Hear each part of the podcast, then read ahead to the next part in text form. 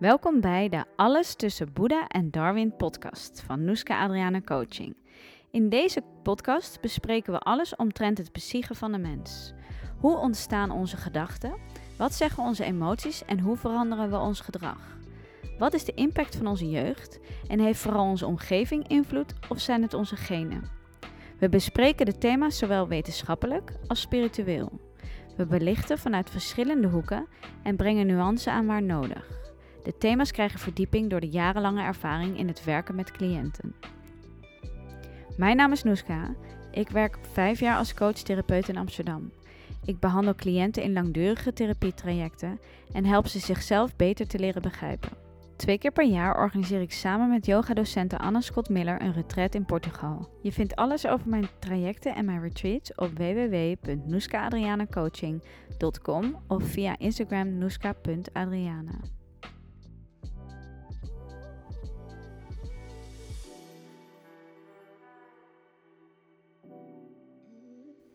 In deze aflevering ga ik dieper in op het thema behoeften. Vaak wordt er gezegd: wanneer je in elke situatie je behoeften kan aangeven, dan krijg je het leven waar je zo naar verlangt. Waarom spelen behoeften zo'n cruciale rol in ons levensgeluk? En als dat dan zo is, wat maakt dan dat we het zo lastig vinden om ze uit te spreken? En wat betekent het als je eigenlijk niet zo goed weet wat je behoeften zijn? In deze lange aflevering probeer ik een helder beeld te schetsen van onze psyche en hoe het kan dat we soms zo afgesplitst zijn van onze behoeften. In het laatste half uur neem ik ruim de tijd om dieper in te gaan over behoeften en relaties. Hoe verhouden mijn behoeften in een relatie tot de ander? Wat mag en kan ik vragen? Wat als ik niet bevredigd word? Wanneer ben ik veel eisend? En waarom is dat? Een aflevering waarvan ik verwacht dat je hem nog vaker zal luisteren, omdat het thema behoeften allerlei lagen in onszelf kent die je in de loop van je leven ontdekt. Hey, en leuk dat je luistert naar de aflevering Behoeften en Wensen van de podcast tussen Boeddha en Darwin. Vandaag gaan we dieper in op het in contact komen met je wensen en behoeften. En hoe dit nu werkt, vooral in relationele sfeer, want daar komen we natuurlijk onze belemmeringen tegen. Ook in de relatie met jezelf, dus deze nemen we ook onder de loep. Um, jullie hebben veel vragen ingezonden, dus die ga ik uh, proberen zoveel mogelijk te beantwoorden. Er zullen een aantal ook wel op hetzelfde neerkomen, maar ik ga mijn best doen om um, eigenlijk ze allemaal langs te lopen en daar ook een mooi verhaal van te maken. De belangrijkste, het belangrijkste om mee te beginnen, als we het hebben over wensen en behoeften, is waarom ik bewust het woord wensen gebruik en niet willen. Dit slaat ook op een aantal vragen die ik binnenkreeg.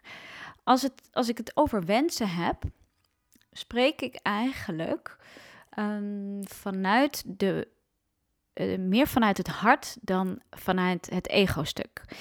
Willen is in de basis meer iets wat we vanuit het ego inzetten. Dat betekent niet dat er dus iets mis mee is. We zitten hier niet om um, alles vanuit ons hart, hart te doen en ons hoofd niet te gebruiken. En we zitten hier ook niet omdat we het ego weg willen hebben of omdat we van het ego af willen. Uh, we mogen ook iets willen. Hè? Uh, maar wanneer je wat vaker spreekt over wensen, voel je al meer een zachtheid in de woorden. Uh, waardoor je kan zien dat wensen wat meer gaat over de diepe onderliggende behoeften dan de wat oppervlakkige, kortstondige dopamine behoeften. En daar willen we graag een onderscheid in maken.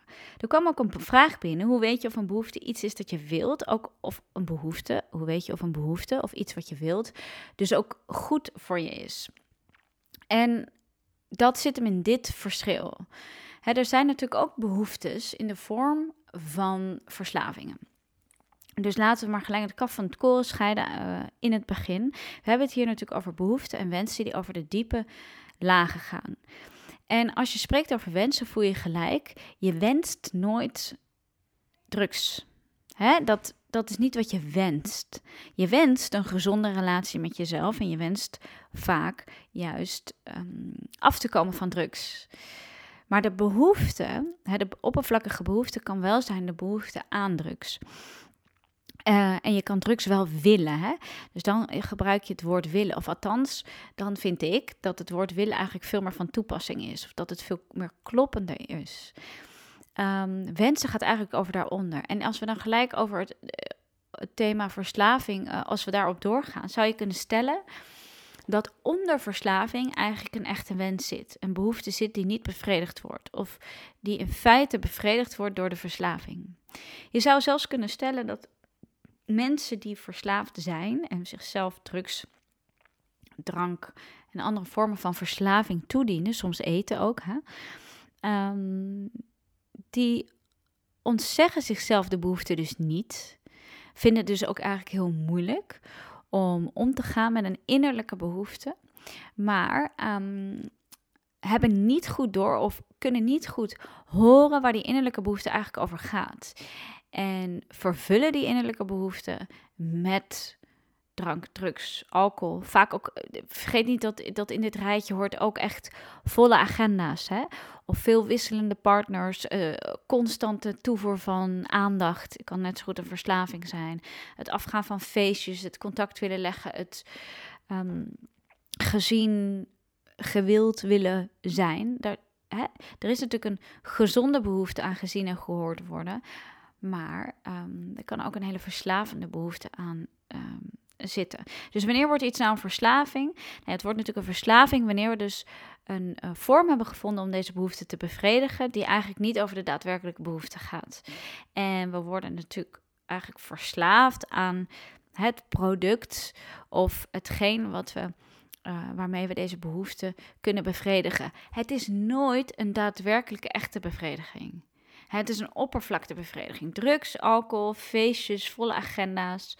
Ik noem feestjes, maar dan heb ik het eigenlijk meer over hè, het, het, het, maar willen, feestjes willen afgaan. Veel, um, um, veel drukte willen, veel aandacht willen. Um, maar eigenlijk ook feestjes gebruiken als verdoving. Of volle agenda's gebruiken als verdoving. Laten we werk niet vergeten. Het kunnen allemaal vormen van verslavingen zijn die eigenlijk erover, eigenlijk in diepe kern natuurlijk over behoeften gaan. De ene verslaving is daar om de daadwerkelijke behoefte te onderdrukken en eigenlijk te verdoven. Of alle verslavingen zijn daar om de daadwerkelijke behoefte te onderdrukken en te verdoven. En, uh, maar daarbij kan een verslaving dus ook een bepaalde kortstondige bevrediging geven, waardoor de behoefte even bevredigd lijkt en de oppervlakte en de onderliggende behoefte eigenlijk even verdoofd wordt. Dus je zou bijna kunnen zeggen dat het zelfs een dubbele werking heeft, als ik het zo uh, uitleg. Um, en hoe weet je nou of een behoefte iets is dat je, of hetgeen wat je wilt, ook daadwerkelijk goed voor je is? Um, ik denk dat we allemaal wel goed het onderscheid kunnen maken tussen um, wanneer iets nog gezond gedrag is en wanneer de behoefte um, zodanig groot wordt dat er een bepaalde veeleisendheid in je naar boven komt. En dat is echt toetsen. Dat is echt trial and error. Dat is echt het leven instappen en met mensen over je behoeftes gaan hebben en kijken wat je terugkrijgt. Wat blijkt nou normaal te zijn? Wat um, blijkt eigenlijk helemaal niet zo goed voor je te zijn? Dat is, dat is echt het, het enige wat, je, hè, wat, je, wat ik hierover kan zeggen is dat het, dat het leven daar is om dit te toetsen, om hier achter te komen, om hier um, jezelf de vrijheid te geven om dit onderzoek aan te gaan. En daar ga je inderdaad ook wel op dingen stuiten, op, op mensen die je teruggeven dat deze behoefte te veel gevraagd is, dat het een uh, behoefte is waar ze niet aan kunnen voldoen. En is dat erg? Nee, helemaal niet. Want door wat je terugkrijgt van een ander, krijg je een referentiekader. En in feite zou dat referentiekader in de basis bij ons allemaal aanwezig moeten zijn. En moeten we dit spel van wensen en behoeften en het uitspreken daarvan en het vragen daarvan en het aangeven daarvan natuurlijk eigenlijk in onze jeugd al ontdekt moeten hebben of mogen hebben. En hier, eh, hè, het blijkt dat we zelf of met z'n allen eigenlijk nog veel worstelen uh, met onze behoeften. Omdat we eigenlijk vrij weinig ruimte hebben gekregen om in dit spel te ontdekken. En uh, om begeleiding te krijgen in wensen en behoeften. Het is bijvoorbeeld heel belangrijk om kinderen ook de volledige, hè, het, de volledige gevoelens bij een behoefte te laten doorvoelen. Ik snap dat je deze behoefte hebt. Het is begrijpelijk dat je dit wil. Het kan alleen niet. Vandaag niet, of het mag niet, of we doen het niet. En daarmee leer je wel dat het voelen van de behoefte mag. Maar hè, dat er een grens zit aan de hoeveelheid snoepjes, of de tijd voor de tv, of ehm, eh, wat een kind aan ouders kan vragen, dat er ook een grens in zit, zeker als ze wat ouder worden. En in feite leren we dus het aftasten van behoeften in de dynamiek met onze ouders. En hebben we dus um, een blueprint um, eigenlijk in onszelf gevestigd over hoe belangrijk onze behoeften zijn, in hoeverre we ze mogen uitspreken, in hoeverre er ruimte voor is.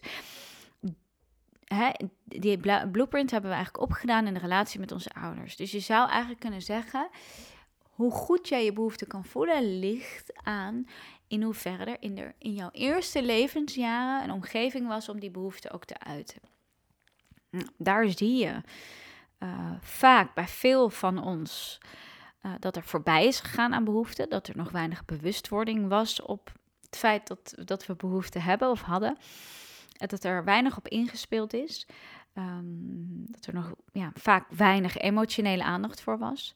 En dat we nu, dat we dus echt niet gewend zijn om behoeftes überhaupt toe te laten in onszelf, in onze gevoelswereld. Hè? Dus veel van onze behoeften liggen op een eilandje ver bij ons vandaan. We, we staan er ook het liefst niet mee in contact. En dan stappen we het leven in en dan komen we er steeds meer achter dat het leven niet helemaal voor ons werkt. En dat het onder andere te maken heeft omdat we helemaal niet naar onze behoeften leven of helemaal niet ermee in contact staan. En er dus steeds bewust op een gegeven moment aan, voor, of onbewust natuurlijk, en op een gegeven moment bewust aan voorbij gaan. En dan krijgen we dus behoefte natuurlijk om wel in contact te komen met die behoeften. En dan merken we dat dat, dat dat helemaal niet zo makkelijk is. Dat dat misschien wel een eilandje is wat vrij ver weggelegd is. En dat het eilandje niet voor niks een eindje verderop ligt. Ehm, dat, we, dat het vroeger ook veiliger was mm, om behoeften te onderdrukken of weg te stoppen. Uh, omdat er helemaal geen omgeving was waarin die behoeften gehoord werden, vertaald werden, um, geaffirmeerd werden, bevestigd werden, gerespecteerd, gewaardeerd. Uh, terwijl dat wel de behoefte is om iets in jezelf tot uiting te laten komen. Of sterker nog, dat is wat nodig is om iets in jezelf tot uiting te laten komen. Dan heb je een omgeving nodig waarin iemand anders die behoefte affirmeert. Of voor je in taal giet, woorden geeft en daarmee dus respecteert en waardeert. Dat betekent niet dat er aan al jouw behoeften gehoor had moeten worden gegeven. Zeker niet. Het is ook heel belangrijk dat je zeker als kinderen wat ouder worden. Um, ook leert dat er wel eens behoeftes zijn waar geen gehoor aan gegeven kan worden. En dat er um, dus ook wel eens geen bevrediging is. En je ziet bij mensen die verslavingsgevoelig zijn, zou je kunnen stellen dat zij moeite hebben met de non-bevrediging, zo noem je dat, met het niet kunnen bevredigen van hun behoeften. En vaak wordt dat hè, in relatie gebracht tot, heb je, ben je als kind dan heel erg verwend? Heb jij dan altijd um, je behoefte bevredigd gekregen dat je in het latere leven helemaal daar niet mee om kan gaan? Nou, dat zou een reden kunnen zijn. Maar nog veel vaker zie je juist het omgekeerde. Dat er um, kinderen die, um, of kinderen, mensen die in het nu uh, merken een verslaving gevoelig te zijn, en in, tot bepaalde hoogte zijn we dat allemaal. Hè? Verslaafd aan waardering, erkenning, liefde. Um, maar hè, merk je bij jezelf op, ik, ik, ik ben wel, of ik heb een vorm van verslaving, ik ben verslavinggevoelig. Dan kan je juist stellen dat je in de, in juist de enorme beginjaren van je um, leven, juist waarin het bevredigen van die behoeften nog zo belangrijk was, hè, vooral in de eerste twee jaar van je leven is dat heel belangrijk, waarin het juist hè, als kind heel belangrijk is dat je direct in je behoefte wordt bevredigd. Terwijl naarmate je ouder wordt, je eigenlijk steeds meer mag leren dat je niet meer de enige bent. En dat, er, dat je rekening hebt te houden. En dat je soms een pas op de plaats moet maken. En dat sommige behoeften niet bevredigd zullen worden. Heb je dus in de beginjaren als kind het juist heel erg nodig om een vrij directe behoefte bevrediging te krijgen. Simpelweg met de reden dat dat een in, in de basis een heel een interne gevoel van veiligheid geeft. Hoewel ouders vaak bang zijn, ja, maar als ik een kind zoveel in behoefte bevredigen, dan gaat het alleen maar veel eisend zijn op latere leeftijd. dat is een foute stelling. Het omgekeerde is namelijk waar. We worden alleen maar veel eisender als die behoeften in onze eerste twee, nou ja, noem het eerste twee en uiteindelijk eerste zeven levensjaren te vaak niet bevredigd zijn. Ehm, dan blijft er namelijk een innerlijke onbevrediging naar, hè, naar waardering, naar respect, naar liefde, die, die zich in, het hele, in je hele leven uit als een enorme craving. Nou, dat kan letterlijk de craving zijn naar uh, zoet eten, naar liefde, naar totale um, aansluiting met een liefdespartner waarin alles klopt en past, waarin je, weet je, die innigheid in, in, in misschien wel in seks, in liefde, in knuffels die zo past, die zo klopt en wat we soms aan het begin van een relatie ook lijken te ervaren of denken mee te maken. Van dit is het, dit wil ik. En dat die behoefte die daar gevoeld wordt, is eigenlijk uh, vaak nog een craving vanuit het nooit helemaal bevredigd zijn in de, in eerste levensjaar. En, en laten we vooropstellen dat het überhaupt nooit perfect kan. Maar dat hè, voor een goede, gezonde hechting een, een goede bevrediging in de basisbehoeften echt nodig is, met name in de eerste twee jaar. En dat dit betekent dat we juist in het verdere leven beter om kunnen gaan met een non-bevrediging. Omdat er dus al een innerlijke bevrediging is. Dus een innerlijke basisbevrediging. Dat zorgt juist voor dat er meer emotionele evenwichtigheid is, meer gezonde mentale stabiliteit. En merk je dat je dus verslavingsgevoelig bent, om daar even op terug te komen, dan betekent het dat je waarschijnlijk al vanaf heel jongs af aan met veel non-bevrediging hebt om moeten gaan, met veel um, teleurstellingen uh, op het gebied van behoeftebevrediging, of veel teleurstellingen op het gebied van behoeftebevrediging hebt moeten meemaken.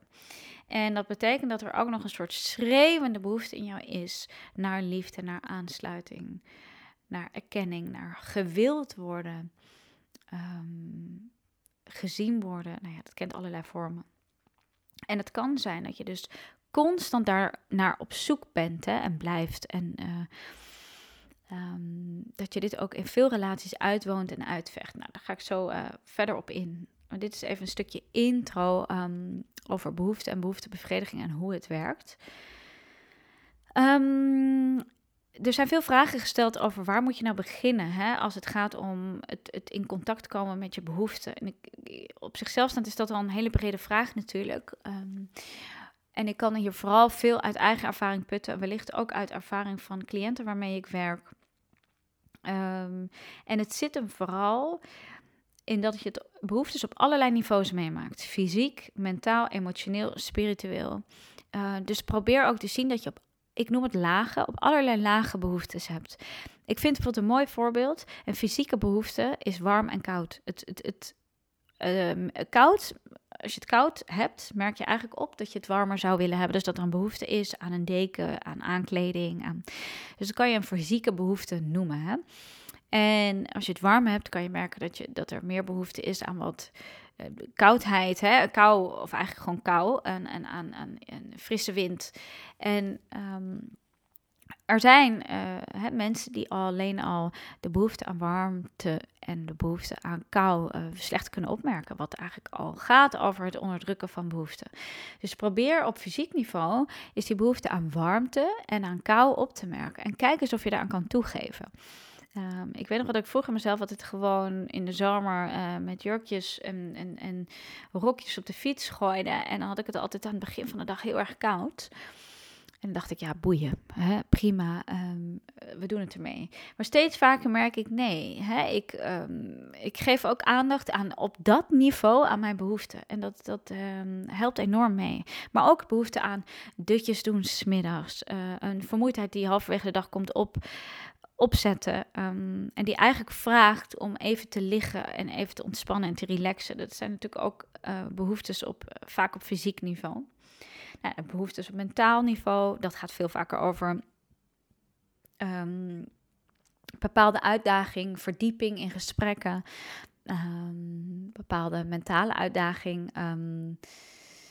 En daar heb je, hè, daar kan je bij de ene voor, wel voor terecht en bij de ander niet. Dus in hoeverre gun je jezelf ook mensen om je heen waarbij je de mentale uitdaging kan ervaren.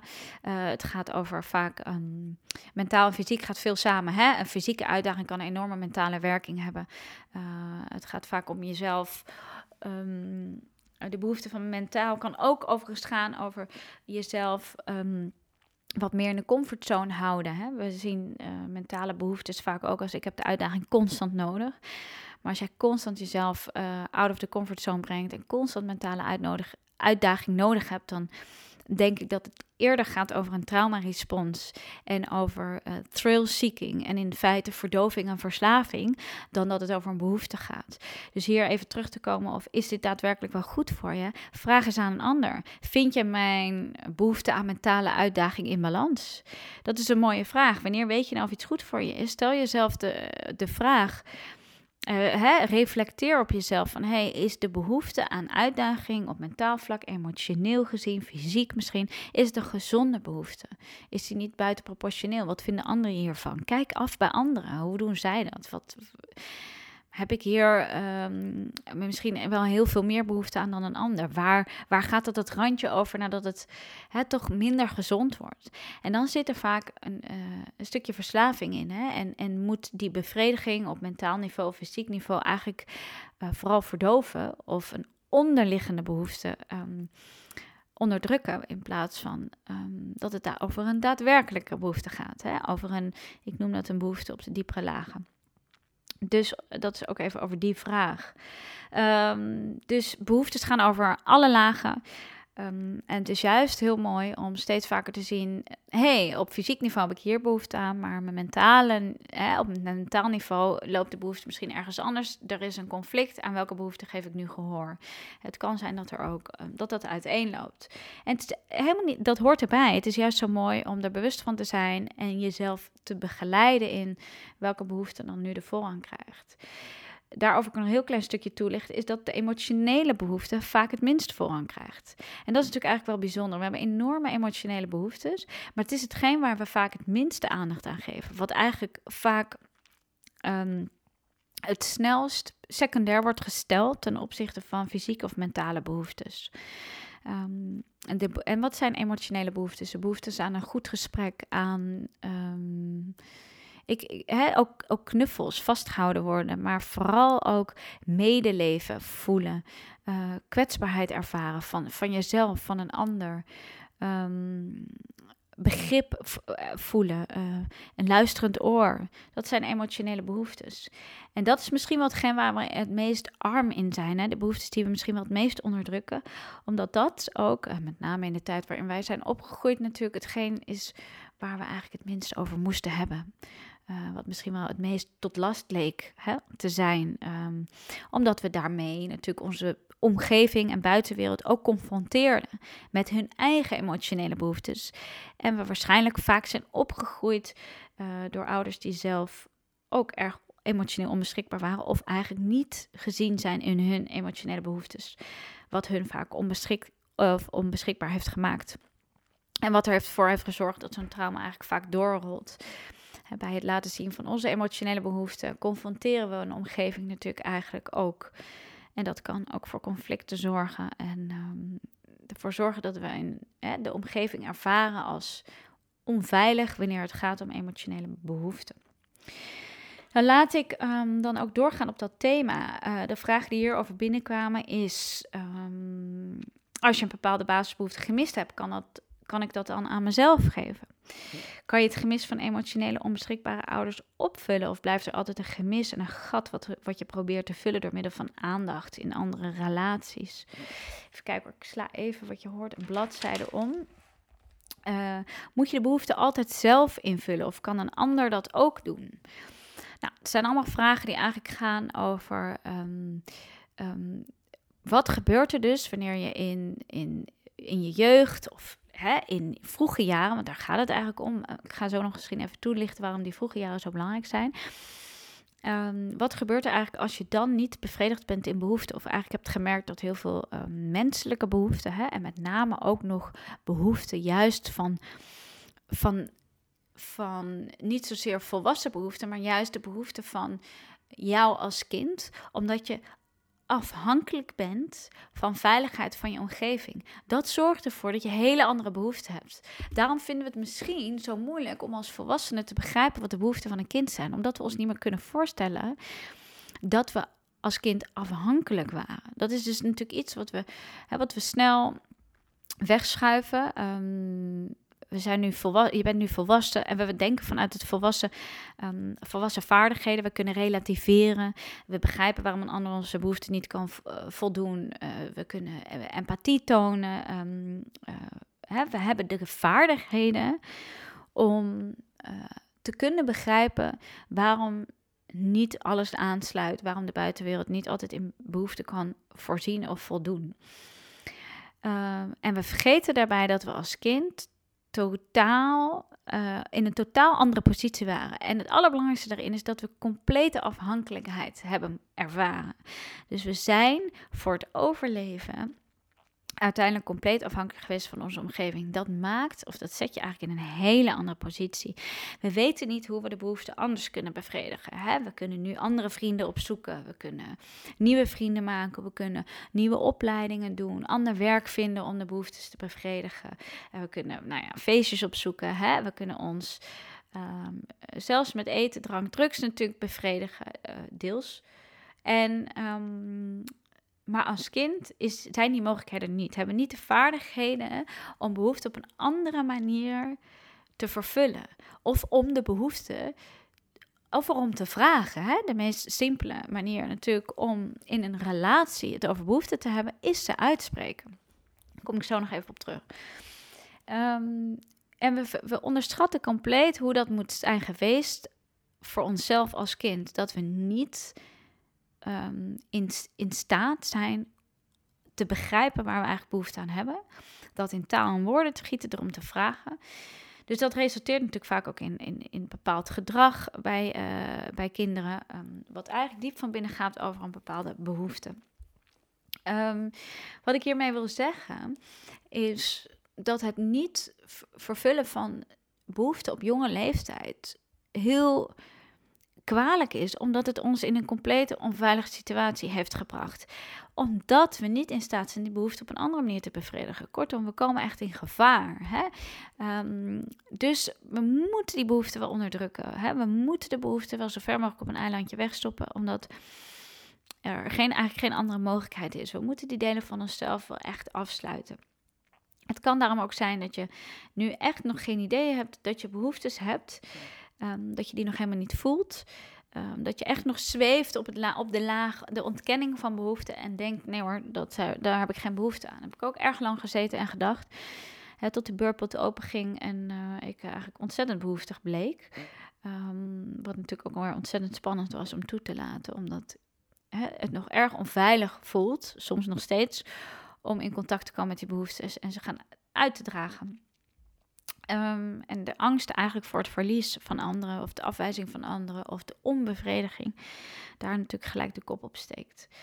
Um, waar ik naartoe wil is dat um, het op zichzelf staand traumatisch is om niet vervuld te worden in je behoeften. Nu gebruik ik het woord trauma natuurlijk heel snel. Daar hebben veel mensen moeite mee. Ik zeg altijd, die weerstand op dat woord, dat geeft het eigenlijk al aan. Je zit in de ontkenning van je behoeften. En je wil helemaal niet dat er hè, horen dat er behoeftes zijn. Want het zou betekenen dat er eigenlijk ook een ontzettend gemis is. Want er is helemaal niet voorzien in die behoeften. Dus Um, het uit uitspreken van het woord trauma, dat brengt vaak weerstand op, maar zegt eigenlijk ook wel heel veel. Het betekent dat wanneer je dat woord wel zou integreren en um, dat in je op zou nemen, dat je dus eigenlijk de ontkenning niet meer in stand kan houden. Uh, anders zou je er niet zo'n weerstand op hebben. Hè? Anders zou je ook wel kunnen zeggen: Oh, trauma, echt? Zou ik misschien een trauma hebben? Boeiend. Oh, daar ben ik wel nieuwsgierig naar. Of um, Ehm, oh ja, zou dat misschien iets met mijn jeugd te maken hebben? Of is het belangrijk dat ik wel een idee krijg? Hè? We hoeven niet eindeloos in ons um, um, jeugd te vroeten. als je bij mij in een traject bent, zitten we niet eindeloos in onze jeugd te vroeten. Wat we doen, is dat we gaan kijken naar waar je in het nu tegenaan loopt. En wat, gewoon wat de relatie is met de omgeving van vroeger. En elke keer leggen we even kort dat lijntje terug, waardoor er begrip is Waardoor je het veel meer kan toelaten. Waardoor um, hè, we kunnen dingen kunnen verklaren. En de geest zich veel meer kan openen uh, naar de gevoelens die hierbij komen kijken. En uiteindelijk willen we vooral in contact komen natuurlijk met die behoeftegevoelens. En ik acht het nodig uh, om die lijntjes te leggen. En daar zijn de meningen over verdeeld. Uh, maar ik heb gezien en met mezelf ervaren dat het werkt. Maar de vraag is ook waarom daar weerstand op zou zijn. Hè? Uh, terwijl je ook, zou kunnen zeggen: uh, Jeetje, heeft dat iets met mijn jeugd te maken? Nou, ik ben nieuwsgierig, vertel op. Ik bedoel, uh, ik wil graag in contact komen met die behoeftes, maar dus brand los. Het feit dat daar eigenlijk al een bepaalde weerstand is, geeft aan dat wanneer we hierover praten, eigenlijk jouw ontkenning in gevaar komt. En dat zegt juist dat je er, in, hè, wat mij betreft, naartoe mag. maar hè, ieder op zijn eigen tempo. En wanneer je er klaar voor bent en denkt, het is, ik voel weerstand, maar het is misschien wel tijd om te kijken waar dat over gaat. Oké, terug naar de vraag. Moet je de behoefte altijd zelf invullen? Kan een ander dat doen? Um, of hè, in hoeverre kan ik de behoefte in het nu opvullen? Of zal er altijd een gemis blijven? Um, kan ik het mezelf geven? Dat soort vragen gaan eigenlijk over dat je in het nu dus steeds vaker behoeftes tegenkomt en dat je je afvraagt en dat je steeds, waarschijnlijk steeds meer doorhebt uh, waar dat, dat, dat tekort vandaan komt. Uh, en of, of je in het nu dat, dat tekort kan opvullen. Nou, ik heb al wel eens eerder het voorbeeld gegeven van dat je honger in het verleden, hè, als je ooit honger in het verleden hebt geleden, um, echt honger lijden is op zichzelf staand een traumatische gebeurtenis. Ik denk niet dat we dat ter discussie hoeven te stellen. Uh, dus dat betekent dat elke vorm van honger, ook de honger naar liefde, de honger naar aanraking, um, het, het, tekort op waardering, net zo goed traumatisch is. Hè? Um, het is eigenlijk wel een hele mooie vergelijking. Maar die honger van toen, hè, die, die is geweest. De schade daarvan dus ook. Dus hoeveel we zelf ons vandaag de dag ook te eten geven, die honger van toen is niet te stillen. Dus in de basis is het antwoord hierop nee. het is niet mogelijk dat gemis op te vullen, dat gat eh, te dichten met het jezelf maar blijven geven. Ik heb al eerder in de story gepost, en dat herhaal ik hier nu, van, dat het ook iets superieurs heeft. Hè? Het heeft iets superieurs om te denken dat je in staat bent alles zelf op te vullen, alles uit jezelf te halen. Je maakt daarmee jezelf ook een behoorlijke almighty. In sommige gevallen resulteert het ook daadwerkelijk in superioriteit, maar in vele gevallen, nog veel vaker zie ik dat mensen denken: ik kan dit helemaal niet. Zie je, er is echt iets mis met mij. Ik schiet tekort. Ik zou dit moeten kunnen. Dus die belanden eigenlijk nog veel meer in zelfafwijzing doordat het ze niet lukt. Nou, laat ik vooropstellen dat het on mogelijk is jezelf te geven wat je vroeger hebt gemist. Aangezien het gaat om een behoefte van ouders, verzorgers naar kind. In een tijd dat je afhankelijk was. Die behoefte was toen. Die is niet eens meer nu. sterker nog, je zou in het feite, in het nu, als volwassene zonder ja, je zou zonder liefde kunnen, in, hè, in feite. Je, overleven dan, hè, en zonder aanraking. Het kan. Hè. Het is de vraag of er op den duur niet dingen gaan af, afsterven. Maar ik, daar reikt mijn kennis ook niet, moet ik zeggen. Maar dus het gaat om een behoefte in een fase en in een tijd dat je ook aangewezen was op derden, op anderen, op de buitenwereld, op ouders, verzorgers, om die behoefte te bevredigen het gaat ook om de positie, de afhankelijkheid die je toen hebt moeten ervaren. Dus het is, het is onmogelijk om in het nu te zeggen dat bevredig ik wel door van alles en nog wat. Um, dat betekent direct dat, um, dat dat gat altijd een gemis zal blijven. Hè, ik durf daar wel op te antwoorden dat ja, dat klopt. Dus elke keer als je eigenlijk in, in het nu in contact komt met dat gemis, ik noem dat gemis, anderen noemen dat pijn, um, anderen noemen dat, um, nou ja, andere woorden daarvoor, die ik eigenlijk ook wel heel erg zelf herken en bij cliënten ook zie, is wanhoop en nood. Dat zijn eigenlijk kinderlijke um, dat zijn eigenlijk kinderlijke gevoelens. We zijn in feite in het nu, in deze relatief veilige omgeving, hè, niet meer in wanhoop en nood. Hè, tenzij we weer opnieuw afhankelijk zijn van derden voor onze veiligheid. Nou, in oorlogsgebieden is dat natuurlijk het geval. Dus dan merk je weer dat wanhoop en nood de kop opsteken. Nou, ik zal je vertellen dat ik wel eens in mijn leven me wanhopig en noodlottig kan voelen. Maar in feite ben ik dat niet. Ik ben dan mijn sleutels kwijt of iets dergelijks. Of kan dan niet wegkomen, um, kom dan te laat. Of... En dan kunnen ineens de gevoelens van wanhoop en nood tot mij komen. En dat gaat natuurlijk helemaal niet over nu, want ik ben helemaal niet in wanhoop. Ik ben ook niet noodlottig.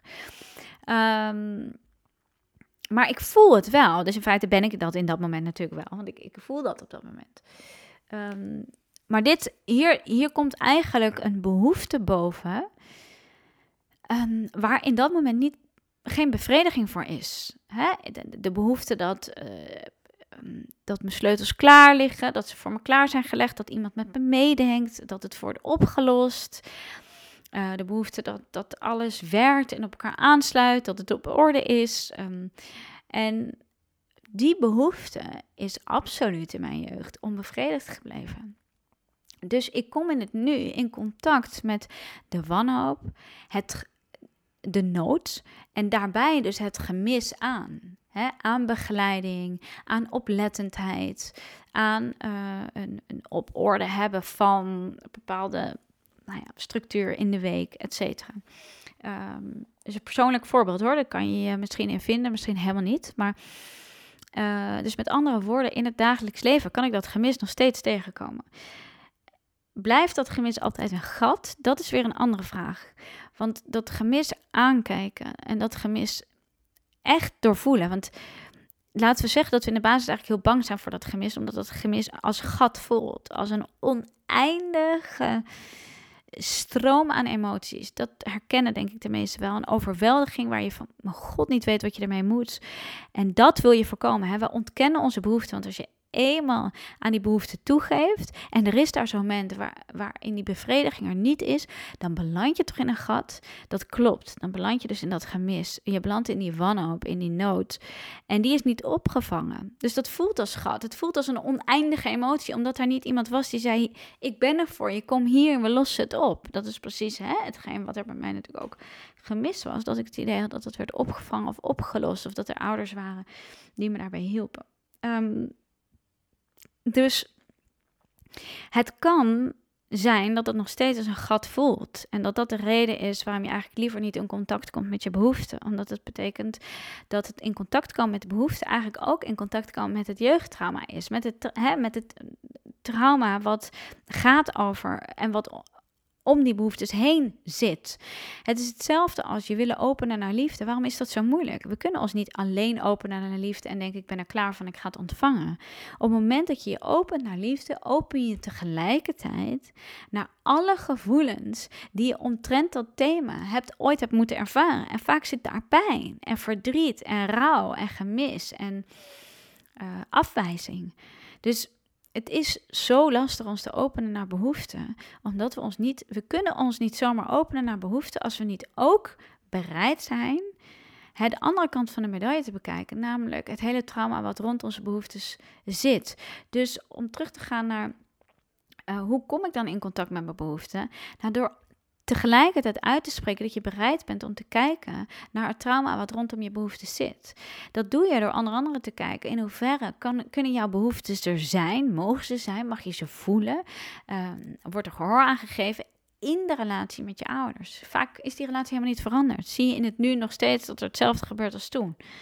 Ehm, en, en mocht je ouders en verzorgers er niet meer zijn, dan gaat het dus echt om mentaal, mentaal terugkeren naar situaties waarin je hè, uh, gaat kijken naar, naar wat er, wat was, wat was de rol van jouw behoefte in de relatie met ouders en verzorgers. En ik noem ouders en verzorgers omdat dat de mensen waren van wie je afhankelijk was. Het kan zijn dat er in jouw leven een andere persoon was, maar het gaat er dus om Het gaat om de mensen van wie je afhankelijk bent geweest. Je moet kijken naar hè, de, de, de rol die zij hebben, of de rol van jouw behoefte in die relatie. Daar gaat het om.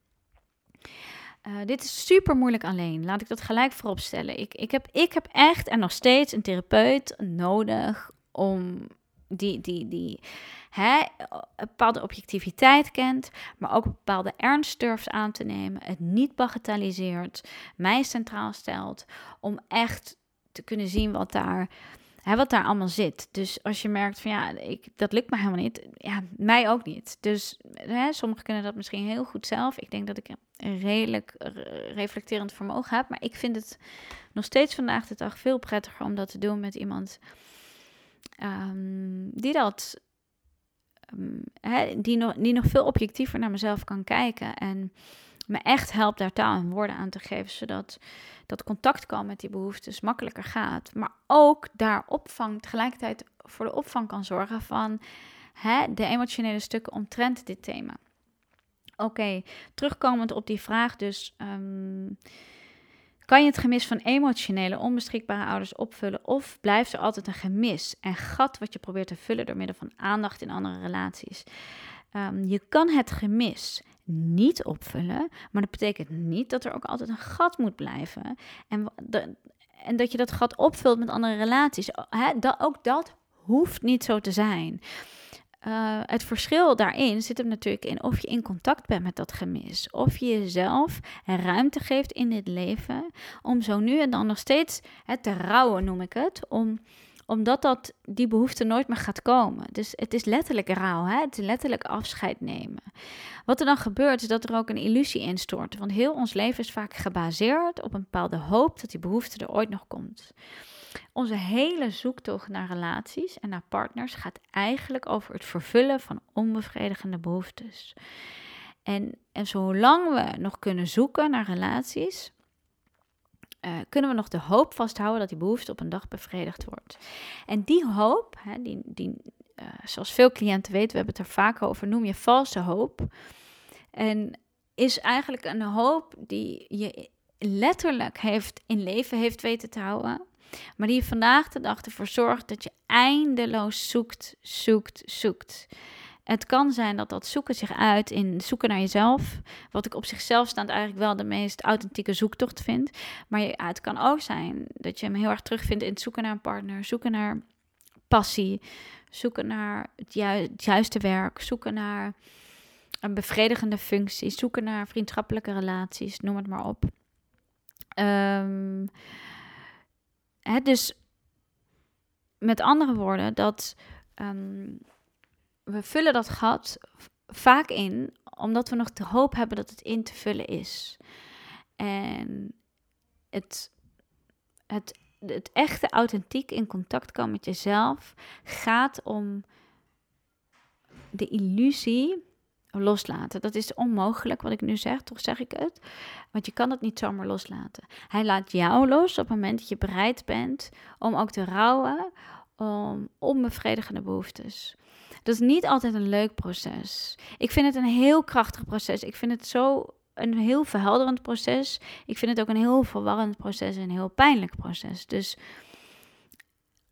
je voelt in dat proces zo dat je op de juiste pad bent. En aan de andere kant Ehm, is het een heel um, dapper proces wat, wat ja, je eigenlijk in contact brengt met de meest pijnlijke behoeftes. Of met pijnlijke gevoelens bedoel ik. Het mooie is dat je dus wel steeds meer die behoeftigheid gaat voelen en, in contact komt met die behoeften. Maar de volgende stap is dan weer, en daar ga ik zo op door, is om dan ook nog eens weer een mooie en gezonde balans te vinden met, die behoeftigheid.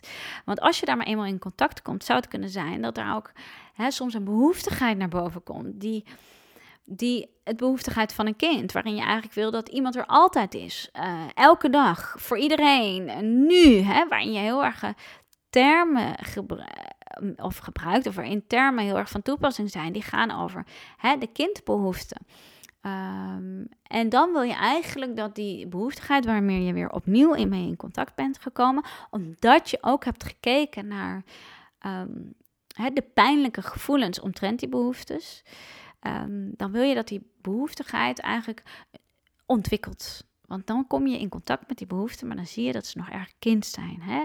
Dat het nog een behoeftigheid is die gaat over een, het kind van vijf, hè? Emotionele, eh, emotionele leeftijd. En, ehm, van een kind van vijf misschien wel, waarin je merkt dat je heel veel moeite hebt als je die behoefte toelaat. Dat het niet direct bevredigd wordt, of niet altijd. Of dat, hè, dat is lastig. Dat, dat, ik kan eerlijk zeggen dat die struggle bij mij ook echt real is geweest. En, en nog steeds met momenten. Um, om die behoeftigheid vervolgens nu pas te gaan ontwikkelen naar een volwassen.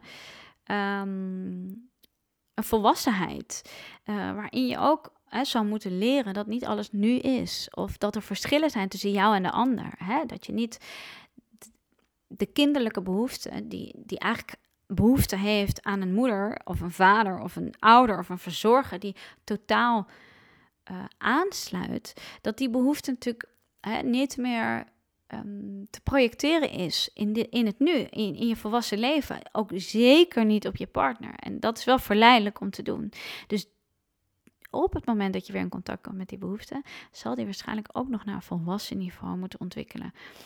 Ben je daarvan bewust? Ja, dit gaat dus eigenlijk over dat uh, we zeker wel degelijk het, het, het gemis en het gat proberen op te vullen uh, door andere relaties. Hè, wat je kan doen is ook echt de rouw aankijken en die illusie gaan doorzien. Hè? Um, Ingeborg Bos heeft daar een mooi boek over geschreven, dat heet Illusies. Hè, wat gaat over die valse hoop. Wat we hopen dat daar is als je dit diploma hebt gehaald, deze relatie hebt, dit lijf hebt, dit figuur, uh, als je er zo uitziet, als, als je deze spullen hebt, deze sieraden, deze, dit huis op deze manier in hebt gericht, dan, dan is daar die totale bevrediging. We hopen het nog zo.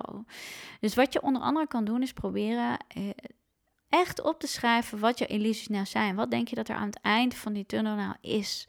Hè? Waar zie je jezelf nog helemaal jezelf hè, vaak gek maken? Um, met, met illusies, wat hoop je dat daar is? Um, waar hoop je dan op? Nou, het doorzien van die illusies en het doorprikken daarvan, hè, dat brengt je in contact met je behoeften. Want dan hè, stort even het geheel in. Um, en dan um, zijn daar de uiteindelijke echte behoeftes. En die hebben dan nog als doel om zich verder te ontwikkelen. Oké, daar ga ik verder op in er heel veel behoeftes in je zijn die eigenlijk gaan over, het, over de behoefte aan verbinding. Wat je zou kunnen stellen dat dat in feite dus om een driftbehoefte gaat. Hè? Altijd de verbinding willen voelen en willen behouden.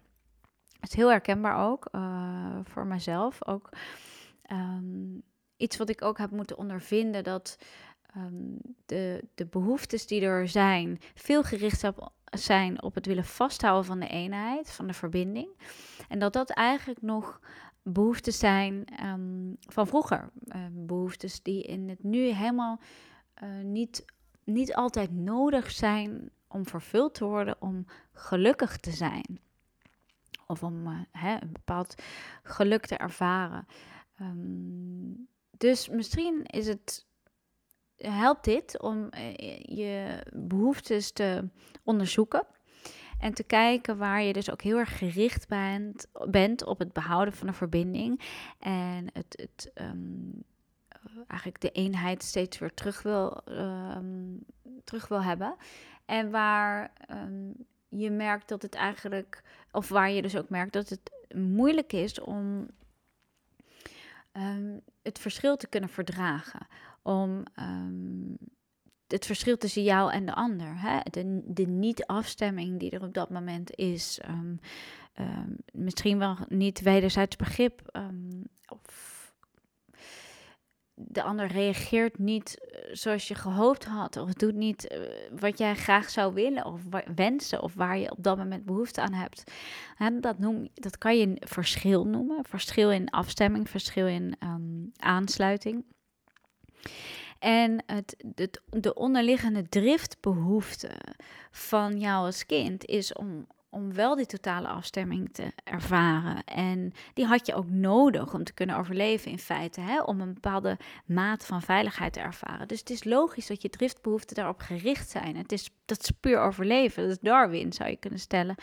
Dus het is het is logisch dat we hè, diep van binnen nog die drang en die behoefte kunnen voelen naar die eenheid willen ervaren. Terwijl je zou kunnen zeggen dat volwassen worden en het ontwikkelen van die behoeften, hè, persoonlijke ontwikkeling vind ik daarom nog steeds best wel treffend als we het hebben over um, zelfrealisatie en uh, aan jezelf hè, werken. Dat gaat namelijk over ontwikkelen wat niet ontwikkeld is, wat uh, in een milieu is opgegroeid waar er weinig ruimte was voor ontwikkeling. Nou, ik denk dat we allemaal wel de hand kunnen schudden dat we emotioneel gezien minimale ontwikkeling hebben gekend. Of niet allemaal, maar de meeste van ons. En um, dat we emotioneel dus ook nog onderontwikkeld zijn. En dat geldt natuurlijk ook voor onze behoeften. Dus wanneer je die behoefte gaat ontwikkelen, zal je merken dat er steeds meer een soort volwassen benadering komt. En die gaat ook heel vaak over het, uh, het, het kunnen verdragen van de verschillen. Het kunnen opmerken van jij wil dit en ik wil dit. En hier stemmen we even niet af. Hier vinden we even geen bevrediging ehm, in, in elkaars uh, vormen en identiteiten die we geven op dit moment aan uitingen en behoeftes.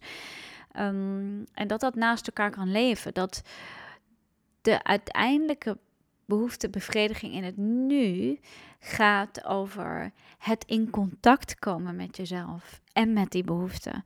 Um, er een vorm van uiting aan kunnen geven, um, je heel kunnen voelen. Dat is de uiteindelijke behoefte in het nu.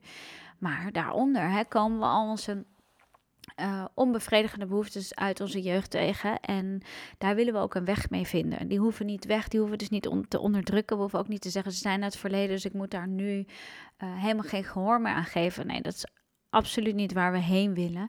Maar je wil, de, je wil wel dat ze ook op een gegeven moment ontwikkelen naar een bepaald volwassen niveau. Of een bepaald volwassen besef over wat wel.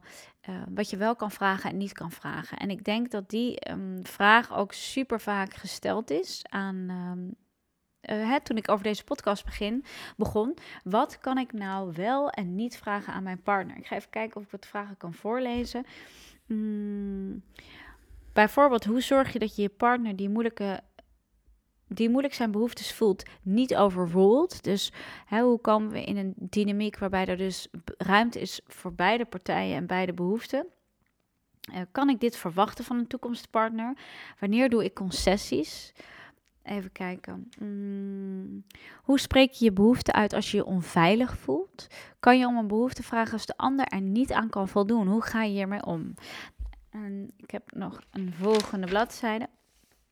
Meer in contact met, met je behoeften, maar hoe vind je je weg daarin met je partner? Dus ik kom meer in contact met mijn behoeften, maar hoe vind ik mijn weg hierin met mijn partner? En dat is denk ik ook de grootste uitdaging als het aankomt op behoeften. Althans, het in contact komen zelf met je eigen behoeften is natuurlijk al een hele um, weg. Laat ik daar nog een stukje over uitweiden. Um, wat daar ons tegenhoudt hè, van het contact, is dat we natuurlijk, wat ik al eerder zei, het pijn en het trauma omtrent die behoefte dan ook moeten aankijken. Het is nooit één kant van de medaille. Als we ons eh, vrijer willen voelen, moeten we kijken waar we belemmerd zijn en de pijn die daarop zit. Wat Brene Brown ook altijd zomaar zegt, als je kwetsbaarheid wil belichamen, kijk dan ook naar wat je in de weg staat om kwetsbaar te zijn. En dat klinkt natuurlijk een beetje gek, omdat er vaak ook wordt gezegd van ja, focus je nou op wat je wil en niet op wat je niet wil. Um, en dat haal ik hier maar natuurlijk ook wel weer een beetje onderuit. Kijk juist naar wat je tegenhoudt. Omdat je soms zo graag naar bijvoorbeeld kwetsbaarheid wil bewegen. Of bijvoorbeeld naar het uiten van je behoefte wil bewegen. Maar je niet ziet welke grote boomstammen daar in de weg liggen. En dat we vaak door, door totaal recht aankijken van die blokkades en belemmeringen uh, we steeds beter realiseren dat die belemmering eigenlijk in het nu helemaal niet relevant meer is. Dus die verliest daardoor zijn waarde en daardoor brokkelt het af en wordt die weg vrij. Dus kijk wat jou tegenhoudt om die behoeftes uit te spreken. En ik kreeg ook een vraag, dat, of een opmerking ook van iemand die zei: ik, ik spreek ze wel uit. Mm, ehm, hè, maar ik zit er vooraf als een berg tegenop. Dus iets houd je dus ook tegen om het te doen. Nou, waar gaat dat over? En vaak eigenlijk worden we hè, geleid door angst. En die angst kent allerlei vormen. Het kan natuurlijk een angst van afwijzing zijn. Het is vrij generiek om dat te zeggen, de angst voor afwijzing. Maar als je hem wat meer uitpakt, waar gaat het dan over? Is het de angst dat de ander de behoefte raar vindt? Ehm, is het de angst dat de ander de behoefte niet kan bevredigen en jou en je op het moment dat je uiting geeft, je natuurlijk wel behoeftig maakt.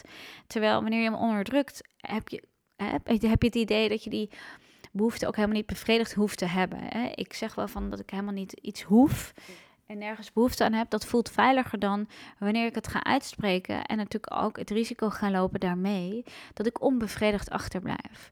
Nou, en daar hebben we vaak het trauma op zitten. Hè? De pijn, dat we die onbevrediging zo goed kennen. En die was als kind natuurlijk ook levensbedreigend. Een onbevrediging in behoeftes die daadwerkelijk nodig zijn voor de levensverwachting, vormen dus een bedreiging. Dus we associëren die non-bevrediging ook zodanig hè, met de dood. Ik, ik heb cliënten, ik heb zelf ervaring ermee van ja, maar als, als ik dat aangeef en als ik op dat punt kom, dan heb ik het idee dat ik sterf. Dus ik denk zelfs dat we ik mensen begeleid hebben, uh, heb en die fases hebben gevoeld waarin ze het idee hadden dat ze stierven. Sterker nog, ik heb zelf ook die ervaring dat ik steeds meer het idee had dat dingen afstierven. En dat gaat in feite natuurlijk over um, de, de momenten in je leven dat je ook hebt ervaren um, dat de dood wel eens dichtbij kwam als je nu niet voor een strategie zou kiezen. Hè? Als je nu niet als de geest eigenlijk, want we zijn er helemaal niet van bewust, maar als de geest op dat moment niet voor onderdrukking kiest. Er zijn trouwens overigens hele mooie onderzoeken naar en over. Um, en het is dus heel belangrijk om, als je dat onderzoek verricht naar die behoeften, ook heel erg gaat kijken naar wat je ze tegenhoudt. En dat je dat veel meer uitdiept. En ehm, dan bijvoorbeeld alleen, ik denk dat ik bang ben voor afwijzing. Dat is te kort door de bocht. Dat gaat niet helemaal de lading voor je dekken. Er zijn hè, delen in jouzelf die veel meer taal en woorden nodig hebben om te kijken waar die angst over gaat. Ik noem er bijvoorbeeld net één, de angst dat er echt helemaal geen bevrediging zal zijn. Dat er um, niet die, hè, die fijne uh, opvang is waar je zo naar verlangt. Um, het kan ook zijn dat je bang bent dat je er niet meer bij hoort. Um, dat je gezien wordt als gevoelig. Oh, dat, heb jij dat nodig? Ben jij zo behoeftig? Ben je zo hulpbehoevend? dat, dat het voelt alsof je dan niet meer onafhankelijk bent. En misschien heb je wel geleerd dat je dat moet zijn. Zelfstandig, onafhankelijk. Je hebt de ander niet nodig. Hè, dat werd ook gevraagd. Heb ik, eh, kan de ander ook mijn behoeften invullen? Nou, er zijn behoeftes waarbij je de ander wel degelijk nodig hebt. Ja. Uh, er zijn behoeftes die alleen kunnen bevredigen door de relatie dus we hebben zeker de ander nodig. Het is echt een illusie om te denken dat we zelfstandig zijn en onafhankelijk. Ik heb ook heel weinig met dat soort posts en dergelijke termen. Um, zorg dat je baas bent van je eigen dit en dat. Het is allemaal erg gericht op zelfstandigheid en onafhankelijkheid.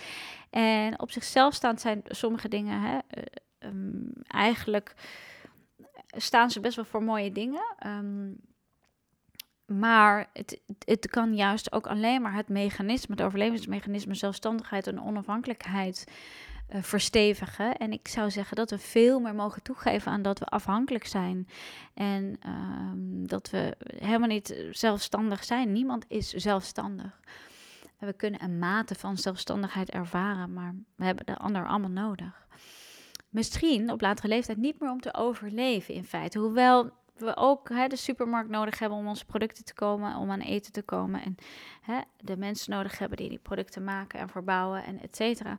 Dus het is natuurlijk een illusie dat we zelfstandig zijn en onafhankelijk. En het is veel fijner om te zien uh, dat we ons mogen over, overgeven in feite aan een afhankelijkheid. En dan wel een gezonde afhankelijkheid. Want dat is waar we naartoe willen bewegen. Een gezonde balans tussen eigenlijk verbinding en autonomie. Want daar vindt hechting plaats. Hè? En in de hechting uh, kunnen uh, behoeftes van de ander en van jou blijven bestaan. Nou goed, een stukje achtergrond weer even over um, hoe het nou werkt met die behoeftes in de relatie tot de ander. Nou, wat belangrijk is om te weten is dat je je behoeftes dus onderzoekt. Dat je onderzoekt wat je tegenhoudt om je uiting te geven aan die behoeftes. Ehm, dat is inderdaad heel vaak ehm, angst en trauma. En hoe ga je daar nou mee om? Dat werd eigenlijk ook gevraagd. Um, en mijn enige advies met angst en trauma, en ik, heb, ik ben er zelf absoluut bekend mee, is er naartoe bewegen. Er is maar één weg. Er is eigenlijk in feite maar één weg. Er naartoe bewegen. En als je echt merkt dat het gewoon trauma en angst is, doe het niet alleen. Het is helemaal niet de bedoeling om dat alleen te doen. Laat je uh, begeleiden, therapeutisch, door een coach, een therapeut, een psycholoog. Het maakt niet uit. Zoek op wat bij je past.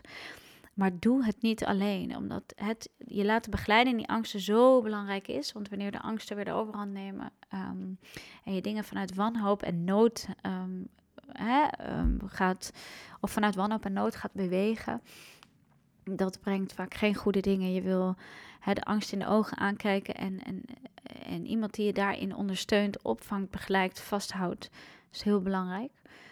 Uh, dat daarover gezegd hebbende, de, het, het, omgaan met de behoeften in de relatie vraagt aan je om die, je, je behoeften te onderzoeken.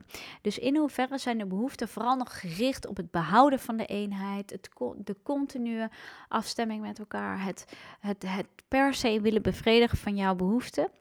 Uh, en wanneer je merkt ook dat je vervalt in termen als ik wil dat je er altijd voor me bent, ik wil dat je op tijd hè, um, Ehm, vraagt hoe het met me gaat. Ik wil dat. dat je merkt van dat er een bepaalde veeleisendheid in zit, die weinig nuance kent, die het moeilijk vindt om om te gaan met de momenten dat het er niet is. Dan merk je van hé, hey, hier zit ik echt in mijn driftbehoeften die eigenlijk alleen maar gericht zijn op het. op, het, um, op het behouden van de eenheid of gericht is op um, het herstellen, continu herstellen van de verbinding. Uh, terwijl je zou ook mogen kijken, wat zijn nou meer volwassen en ontwikkelde behoeftes? Van hé, hey, um, misschien heb je wel een ruzie uh, in je relatie bijvoorbeeld.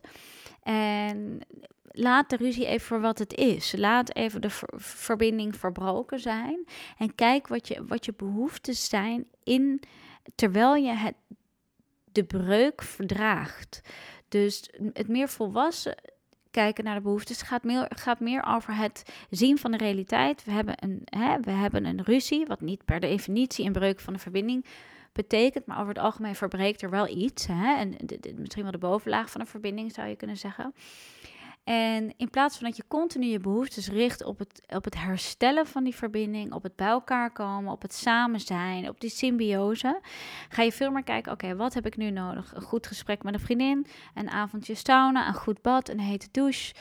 Ehm, eh, het van me afschrijven, uh, weer even tot mezelf komen. Um, uh, het, een vorm van relativeren, uh, misschien een rondje hardlopen. En even het verdragen van het conflict. Wat heb ik nodig om het conflict te kunnen verdragen in mezelf, om het verschil te kunnen verdragen? Kijk, dat gaat meer over een volwassen ontwikkeling van behoeften. En wanneer je merkt dat je behoeftes dus constant gericht zijn op het herstellen van die verbinding en op, op het herstellen van die eenheid, zou je kunnen stellen hè, dat er ook nog veel driftbehoeften zijn. Dat het ook nog veel gaat over de onderontwikkelde behoeften. Um, die emotioneel gezien nog op, gaan over een jonge leeftijd. Het betekent natuurlijk niet dat, het ook niet, dat er ook niet een gezonde laag van het goed maken met elkaar um, en, en het terugbrengen van de eenheid is. Want hier is er ook zeker. Kijk, zeker als je natuurlijk de relatie wil voortzetten, um, wil je een conflict weer bij uh, praten. Maar een conflict is wel nodig. Waar onze driftbehoeften, onze behoeften uit onze jeugd, eigenlijk elke vorm van uit elkaar gaan, uh, zullen tegenhouden. En waar elke behoefte gericht is op op het bij elkaar houden, mag je in je volwassen leven dus veel meer zien. Mijn behoeftes liggen hier ook aan het dingen vrijmaken. Een conflict maakt dingen vrij, brengt dingen naar boven, brengt dingen naar de oppervlakte. Super belangrijk in relaties. Je mag veel meer gaan kijken naar wat is mijn behoefte in dit conflict. Dat er naar me geluisterd wordt, dat, er iets, dat ik iets naar boven krijg, dat we. Uh, verheldering krijgen. Um, en soms ook even dat dat conflict er is. En dat er even hè, behoeftes en kijk naar de behoeftes die er zijn om dat conflict dus te dragen en te verdragen in jezelf. En uiteindelijk wil je, hè, als dingen helder zijn of duidelijk zijn, of uitgesproken zijn, natuurlijk ook weer nader tot elkaar komen. Dus er is natuurlijk ook een gezonde behoefte om een conflict niet vijf dagen te laten duren. Hè, dus kijk hier naar een bepaalde volwassenheid ervan. Um, en dit, dit vraagt ook best wel veel begeleiding hoor. Ik probeer het nu in, in, woorden te gieten, maar het is ook best moeilijk dat onderscheid te maken. Daarbij um, vind ik dat de driftbehoeften die er zijn absoluut plek mogen krijgen in de relatie. Ik, ik heb vaker tegen mijn partner gezegd: Ik wil niet dat je nu gaat. Ik heb echt de behoefte dat je nu bij mij thuis bent. Ik moet van alles doen. En ik wil eigenlijk dat je naast me zit en me begeleidt en me helpt. En hè, terwijl hij een avondje weg had gepland. En ik voelde wel dat deze behoefte heel erg ging over een driftbehoefte. Waarvan ik niet in de steek gelaten wil worden, alleen gelaten wil worden. Uh, behoefte had aan die begeleiding, aan die hulp. Terwijl hij gewoon een avondje weg had gepland. En dat natuurlijk ook gewoon moet kunnen. En ik spreek die behoefte wel uit. We hebben het wel over die behoefte. Um, maar ik realiseer me, er is een besef hè, dat deze behoeften ook over het verleden gaan, over een onbevrediging. En ik, soms reageert mijn partner erop met: Ik ben er even voor je. Maar er zijn ook momenten die, dat hij hè, zegt: Ik kan even niks voor je doen. En dat. Zo ga je in feite in de relatie met die behoefte om. Je probeert met elkaar te zoeken naar wat wat een gezonde verwachting is naar elkaar en waar het het randje over gaat. Naar, hè, we zijn constant gericht op het, op het eigenlijk uh, bevredigen van driftbehoeften die um, onbevredigd zullen blijven. Dus hoe vaak uh, mijn partner de stofzuiger ook pakt in het huishouden. Ik heb altijd het gevoel dat ik het alleen doe. Het, dat gaat over een behoefte die helemaal niet meer te bevredigen is in het nu. En daar ehm, mag je realistisch over worden naar jezelf.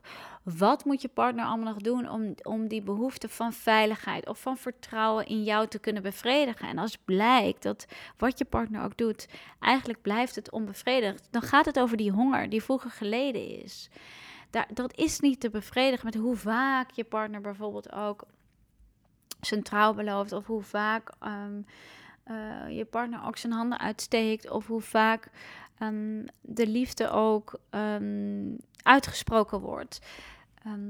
op dat moment wordt het eigenlijk zaak dat je veel meer gaat toebewegen naar de pijn onder deze behoefte, naar het trauma bij deze behoefte. En dat je hier zelf verantwoordelijkheid voor gaat nemen. Dus hoe je dit in relaties aangaat, is echt een samenspel van het constant uitspreken van wat je op dit moment eigenlijk zou willen. Hè, misschien gaat dat nog veel meer over willen, over het ego. Want als kind zitten we heel erg in dat ego om te overleven. Heel goed is dat ego ook super noodzakelijk. Ehm, dat geeft ons die drang naar overleven. Dat, dat maakt dat we kunnen overleven. Dat maakt dat we kunnen verdringen. Ehm, en dat, daar zijn we blij om, omdat dat ons helpt uh, staande te houden in een omgeving waarin er wat um, meer minder ruimte is voor onze behoeften. En waarin we dus heel vaak die onbevrediging hebben moeten ervaren. Dus het, het, ego helpt ons daar natuurlijk bij om uh, in overlevingsmechanismes te stappen, in beschermingsmechanismes en dat te ontwikkelen. Dat hebben we allemaal gedaan, dat hoort er allemaal bij. Het is ook een gezonde en normale ontwikkeling. Maar dat ego is natuurlijk heel erg gericht op, op het overleven. En het heeft natuurlijk iets. Um, het heeft erg de focus op je eigen behoeften. Hè? Het is, jij staat centraal. We zeggen toch ook wel eens um, ja, diegene zit heel erg in zijn ego. Ja, dat, wat we daar natuurlijk eigenlijk mee bedoelen is dat diegene heel erg self-centered is. Hè, wat, uh, en, en, en eigenlijk vooral gericht is op eigen behoeften. En dat klopt ook. Dat, dat mag je ego noemen. Maar er is in, in de basis natuurlijk helemaal niks mis mee. Het is iets wat we nodig hebben gehad. Als we dat, hè, als we niet vanuit het ego de, hè, onze behoeften centraal hadden gesteld, dan hadden we niet kunnen overleven. Dus het is natuurlijk een heel normaal uh, en gezond mechanisme. Maar op een gegeven moment mogen we wat meer naar het gezonde ego bewegen. Naar een ego wat uitgebalanceerd is, wat um, de ander uh, meeneemt. En eigenlijk uh, wil je die ontwikkeling als kind ook al langzaam doormaken en daarin begeleid worden. Dat je ook rekening hebt te houden met de ander. Dat, dat je ruimte in jezelf maakt voor een ander. Um, aan de andere kant wil je dat dat niet te veel is. Dat iemand niet zich constant wegcijfers en te veel aanpast. Dus dat vraagt natuurlijk om, om, om begeleiding, om een bepaalde nuance, om een balans. En eigenlijk eh, mogen we die ontwikkeling nu nog doorgaan. Waar dat dus um, gemist is, waar we dat gemist hebben, waar daar weinig oog voor was, is, eh, zou je kunnen zeggen dat persoonlijke ontwikkeling je eigenlijk vraagt om dat stukje um, nog te ontwikkelen. En als het, als het neerkomt op behoeften, is het dus heel belangrijk om te zien um, waar we dus onze behoeften nog zo centraal stellen, omdat we denken dat we het nodig hebben om te kunnen over, overleven. En waar je dus tot een besef kan komen dat het uh, om een behoefte gaat die he, nog een bepaalde veeleisendheid kent, um, die niet van nu is. En de behoefte um, aan zich hoort gevoeld te worden, mag gevoeld worden, mag ook uiting krijgen.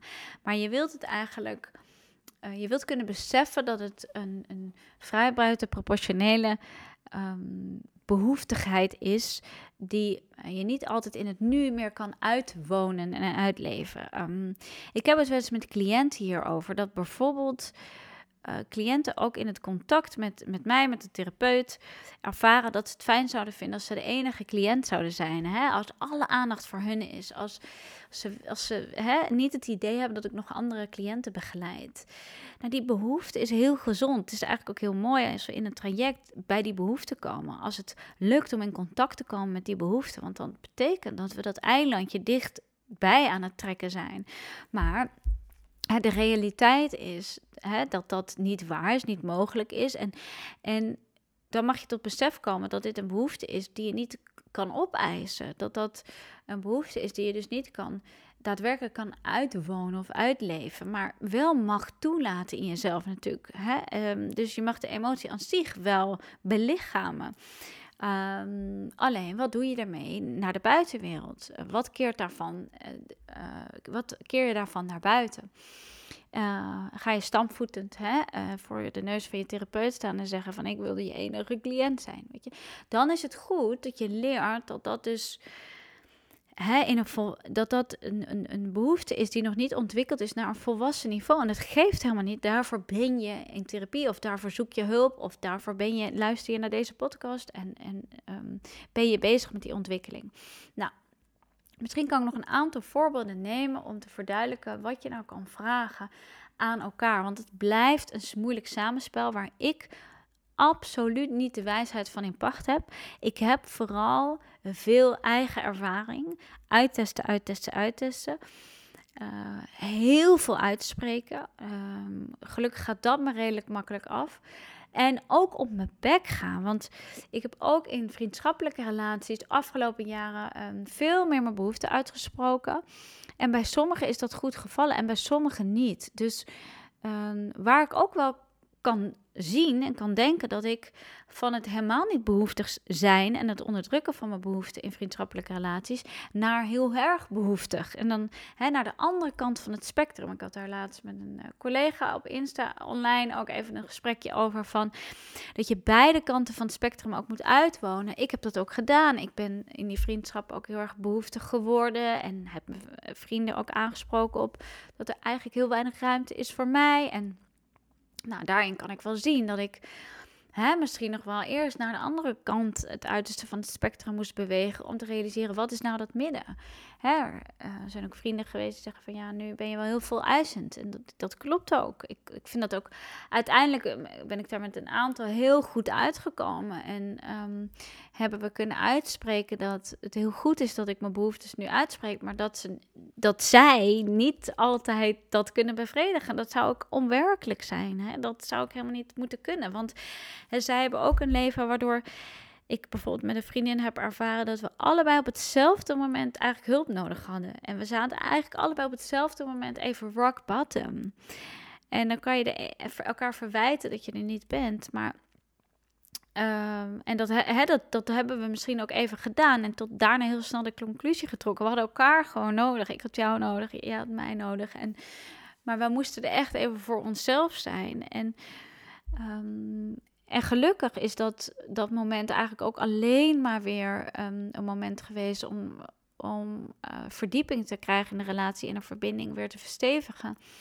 Um, dus het is ook heel gezond dat, dat soms een vriendin er niet is voor je of een vriend.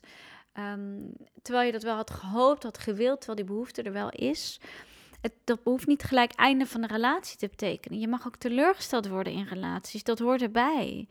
Dus wat is gezond en wat kan je vragen? dat ga je onderling of eigenlijk met elkaar uitspreken. Dat zijn eigenlijk regels en wetten die je met elkaar bepaalt in een relatie. En het is echt belangrijk om dat te doen. Het is ook gek misschien om te denken: moet ik nu vriendschappen? Wat zijn jouw behoeften eigenlijk? Wat zijn jouw verwachtingen? Maar hoe ouder je wordt, hoe, nou ja, ik durf wel te zeggen dat zeker ook met kinderen, maar dat hoeft helemaal niet. Want misschien heb je geen kinderen, maar er gaan steeds meer dingen gebeuren. Um, hè, er is uitval, verliest ouders, mensen om je heen worden ziek. Nou ja, dat klinkt nu allemaal heel negatief, maar er is, um, het leven kan al, ja, in, in feite gaat er steeds meer op je afkomen. En dat, ik, wil, niet suggereren dat er op jonge leeftijd niet veel gebeurt, maar de kans is natuurlijk hè, aanzienlijk groter dat je daar wat meer zorgeloosheid hebt ervaren. En het betekent dus dat je misschien wel op een veel dieper niveau vrienden nodig gaat hebben, familie nodig gaat hebben, partner nodig gaat hebben. En dat het heel fijn is om uit te spreken wat je daarin zou willen of verwachten. Maar dat de ander, of jijzelf naar de ander toe, ook eerlijk bent in, in, in wat je wel of niet kan. Of waar iemand even nu niet op kan rekenen. Dit gaat ook in fases.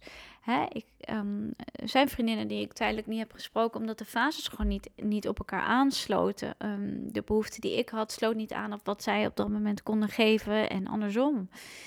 Um, er zijn fases geweest, daar zit ik misschien nu nog steeds al een beetje in, waarin ik merk dat er minder ruimte is voor een ander en dat ik iets minder hè, de de vriendin kan zijn op wie je even dag en nacht kan rekenen. En dan is het ook fijn als ik dat uitspreek. En daar kunnen mensen ook teleurgesteld in zijn. En, en sommigen vinden dat misschien een reden om ook de relatie te verbreken. Um, maar soms vinden.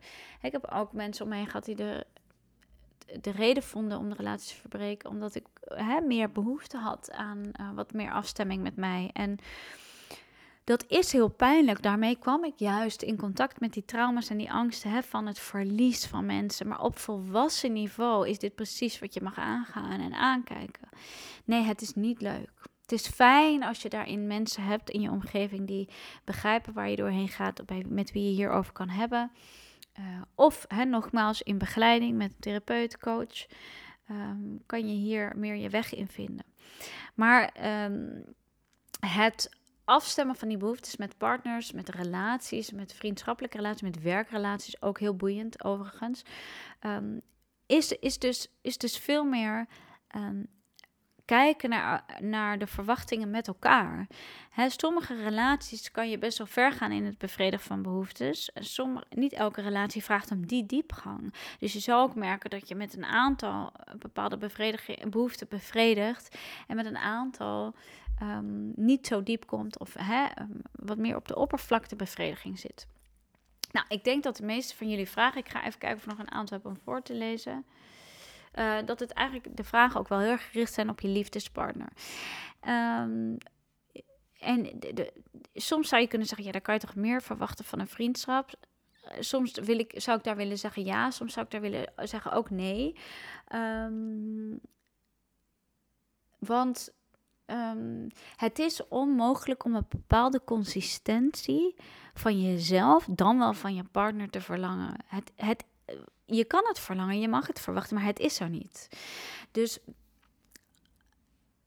mijn grootste, nou ja, niet advies zou ik willen zeggen, maar um, besef als je kijkt naar behoeftes in het volwassen leven, is dat je het allerbeste kan kijken, kan kijken naar de realiteit. Wat is de realiteit? En welke behoeften kan je partner je bevredigen? Merk je dat er een bevrediging is en welke behoeftes niet? Er werd ook gevraagd: kan je je behoeftes uitspreken naar elkaar, ook al weet je dat de ander daar niet aan kan voldoen? Absoluut. Dat, hè, dat, dat blijf ik. Ehm, aangeven, dat uitspreken en vertellen dat je dat wel heel graag zou willen of heel fijn zou vinden, is super belangrijk. Ik heb toevallig net een gesprek met mijn partner over uh, dat er nog 100 miljoen dingen, is overdreven, klopt, uh, in ons huis moeten gebeuren. We zijn een paar maanden geleden verhuisd en de klussen blijven oneindig. We hebben een beetje een klussenhuis, we hebben een oud huis, net geen klusjes voor de aannemer, komt heel veel bij ons terecht. En het is ontzettend onbevredigend om in een hoek van je huis te kijken waar er nog iets geverfd moet worden, waar er nog iets op zijn plek gezet moet worden, waar er nog iets geschilderd, bevestigd, vensterbanken, balkenlakken. Nou, allemaal, uh, ik zou er niet verder mee bemoeien. En ik spreek net uit omdat ik het zo fijn zou vinden als we het tempo erin houden, als, als de huiswarming er is straks, dat er dit gedaan is en dat gedaan is, dat de klusjes die we doen, dat we even de tijd ervoor nemen, dat we het goed doen, grondig. Hè, waarop mijn partner ook reageert met, uh, ja, uh, maar ik kan niet harder rennen dan ik nu doe. En, en oh, misschien al wel een beetje in de paniek schiet van, ja, um, dit gaat niet lukken. Waarbij ik ook aangeef, nee, ik spreek echt nu mijn behoeftes uit. En ik weet dat deze behoeftes niet allemaal bevredigd gaan zijn. Dat hier ook een, een onmogelijkheid in zit, een onmenselijkheid. Dus elke keer wanneer je die behoeftes belichaamt, bespreekt, uitspreekt, kijk naar de menselijkheid hiervan. Kijk naar de realiteit, kijk naar de mogelijkheid. als je merkt dat er structureel een bepaalde behoefte onbevredigd blijft in je relatie, um, probeer uit te diepen waar die behoefte vandaan komt. Probeer um, een onderzoek te verrichten naar hè, welk deel van die behoefte thuis wordt uit je jeugd, waar eigenlijk veel meer gevraagd wordt om het rouwen van daarvan dan het blijven hopen dat die bevredigd wordt, het blijven vragen dat die bevredigd wordt. Aan de andere kant zit er ook een gezonde laag op die behoefte. Dus elke behoefte heeft misschien een, een, een ik wil niet zeggen ongezonde laag, maar wel een laag die niet thuis hoort in het nu. Maar heeft ook een gezonde laag waarbij je hè, best verwachtingen naar elkaar mag hebben. Want liefde is misschien onvoorwaardelijk, maar relatie niet. Relaties zijn niet onvoorwaardelijk. Je kan niet onvoorwaardelijk in een relatie zitten. Je hebt voorwaarden. En je hebt verwachtingen, dat mag ook. Maar je wil samen met elkaar afstemmen wat gezond is. Wat belangrijk is, is dat je gaat realiseren wat je basisbehoeften zijn, wat, hè, wat, wat misschien wel de kernwaarden zijn voor je.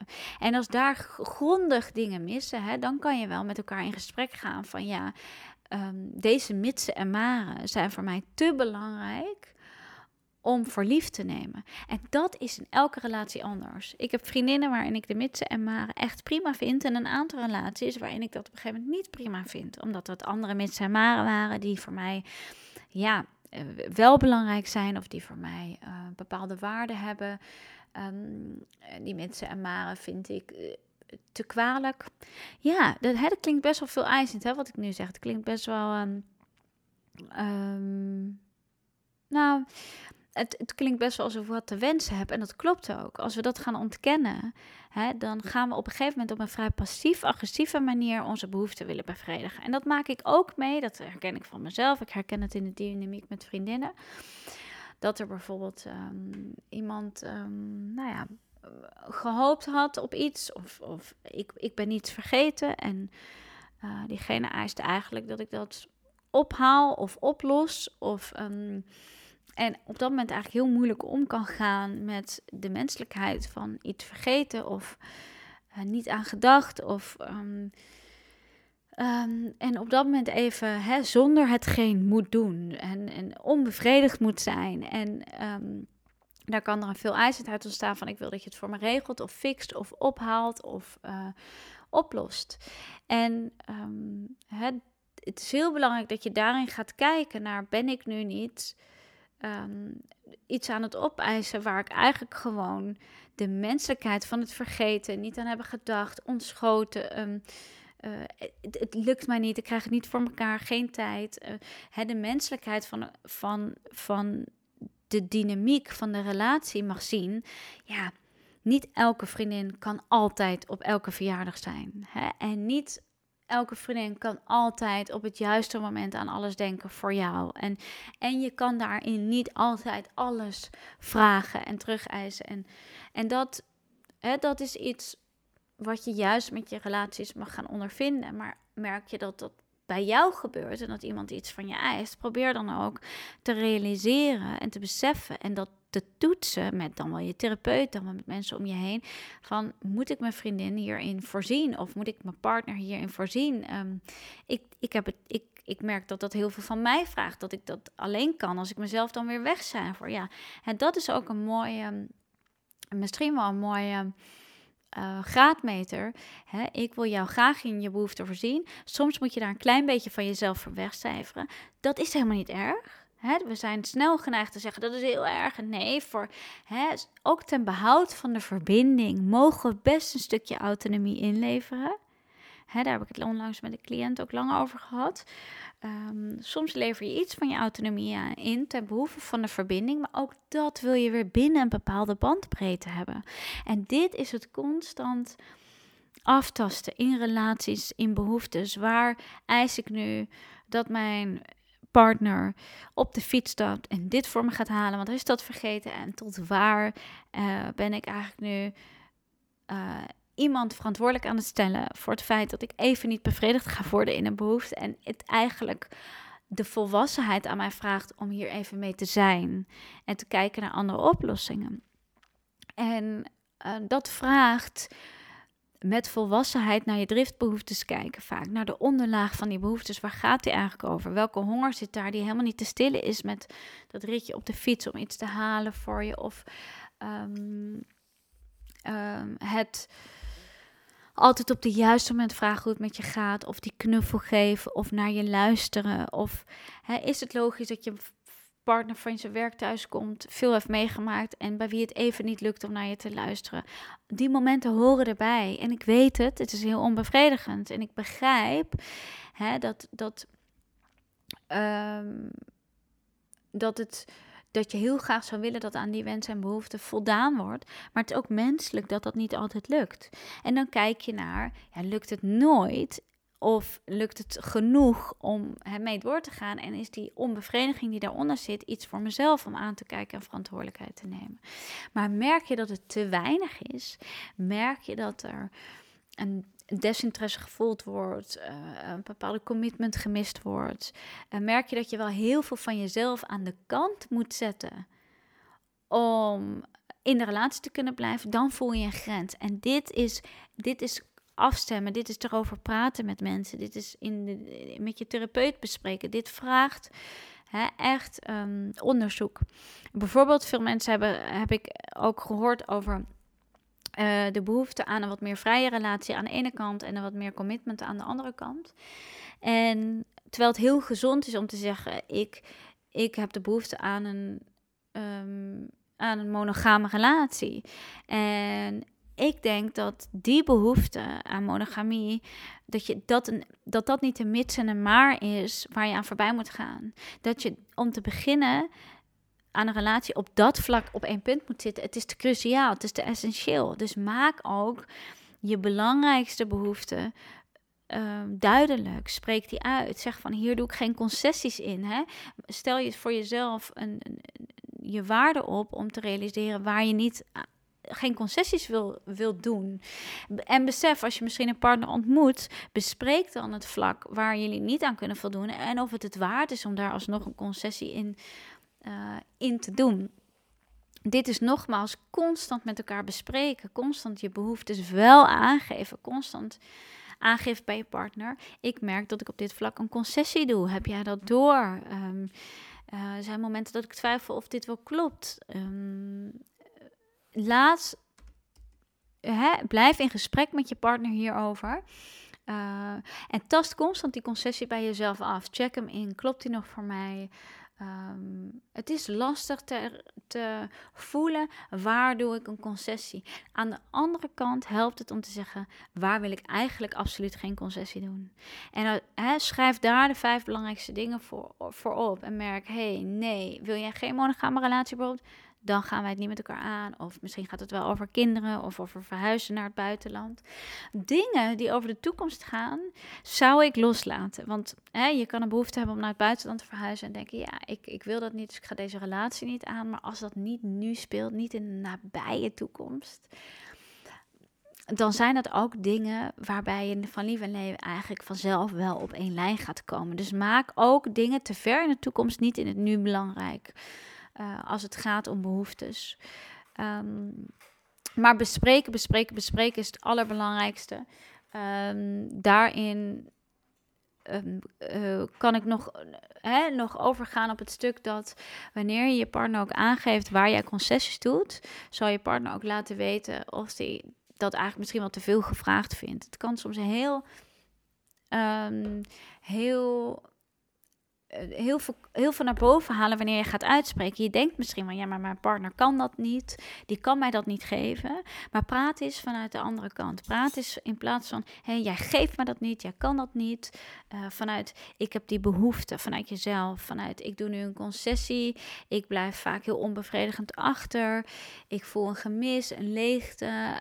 Um, ik, ik merk dat ik het nu niet kwijt kan. Ik, uh, ik merk dat ik twijfel hierdoor of wij wel bij elkaar passen. Dat zijn gesprekken. Probeer de vinger niet te veel naar de ander te wijzen. Probeer heel erg vanuit je behoeftes te spreken. Van ik zou het zo fijn vinden als dat er af en toe wel is. Hè, probeer daarin ook de plek in jezelf op te zoeken die wat minder vanuit het oordeel kan zijn. Die vraagt van, vind je het moeilijk om dat te doen? Lukt je dat niet? Is dat iets wat je niet kan? Kunnen we dat samen leren? Uh, heb jij daar geen behoefte aan? Kijk, dat zijn de gesprekken. En zo groei je in een relatie. Want behoeftes totaal afgestemd op elkaar en elkaar ontmoeten en denken: dit is hem en deze man of vrouw of, of partner. Hè? Dat kan natuurlijk van alles zijn. Um, is het helemaal, want wij stemmen compleet op onze behoeftes af, bestaat niet. Het is bullshit. It doesn't exist. Diegene bestaat niet, ga je niet tegenkomen, ga je ook niet vinden als je nu weggaat bij deze partner.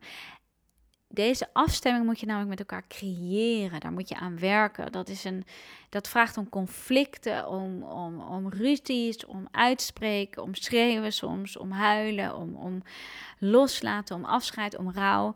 En pas steeds meer in dat proces ga je een relatie creëren waarin je op elkaar bent afgestemd. En nooit totaal, nooit totaal bevredigend. Ik heb vriendinnen die behoeftes bevredigen waar mijn partner helemaal niet mee in de buurt komt. En en, zo, en andersom. Dus het gaat er juist om dat je in een relatie die behoeftes en het uitspreken ervan centraal gaat stellen. En daar een soort wekelijkse meeting van maakt. Zodat je steeds meer kan voelen of het iets gaat worden tussen jullie. Of jullie eruit gaan komen. Of de basis klopt. En ondanks dat zal je waarschijnlijk ook in de basisbehoeftes, ook in die vijf belangrijkste kernwaarden, zal je concessies moeten doen, wellicht. Maar of het Hè, of het dicht bij elkaar gaat komen. Je gaat nooit totaal op elkaar geplakt zijn. Dat is nog een, de behoefte van een kind aan een, aan een moeder die in de eerste maanden van het leven een totale afstemming met kind heeft. Uh, en dat ga je in een relatie niet ervaren. Dus je houdt die onbevrediging in die relaties met momenten. En dan moet je gewoon weten wat je nodig hebt. Een bad, een douche, een dagje sauna, schreeuwen, sporten. Um, uh, misschien een mooie healing sessie, een, een, een, goed gesprek met een vriendin. En het kan soms ook best wel een glas wijn zijn, hè, zo nu en dan. Uh, en, maar waarschijnlijk veel vaker nog een mooie yoga sessie, een, een meditatie, een, de tranen laten, muziek. Uh, kijk wat je in nodig hebt om daarin gedragen te voelen. Maar weet dat die momenten erbij horen. Dat het niet betekent dat je relatie niet klopt. Dat het niet betekent dat je een andere partner zou moeten vinden met wie die afstemming er wel is.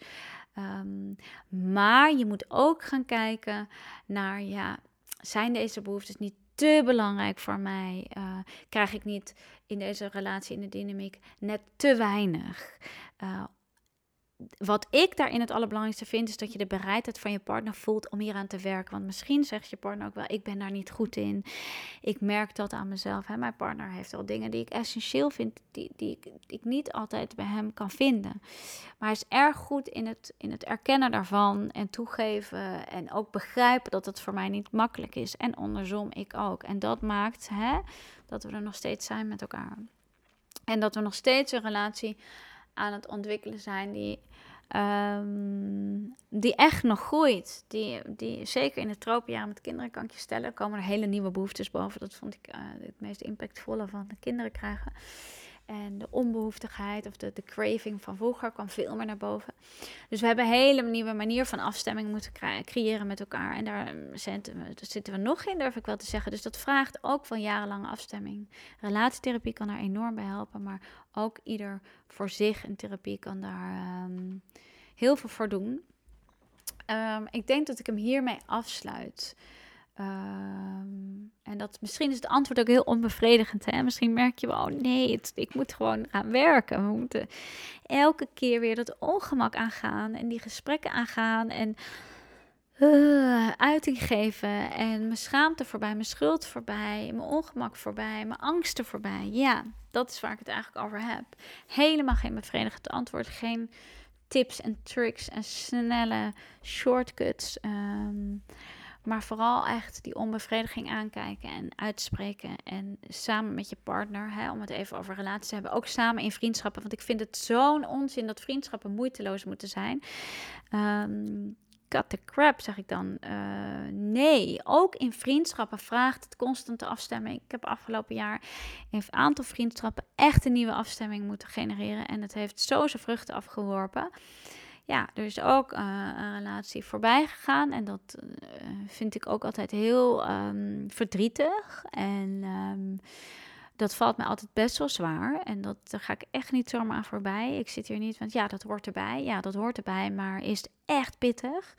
En niet leuk en verdrietig. Um, maar ja, het hoort er en het hoort erbij. Uh, want ook in vriendschappelijke relaties mag je hè, het uiten naar elkaar afstemmen. Uh, moet je soms een tijdje weer wat meer uit elkaar. En dat zijn wel de relaties voor het leven. En soms laat je elkaar misschien wel eventjes helemaal los. En ga je kijken of de paden elkaar nog kruisen.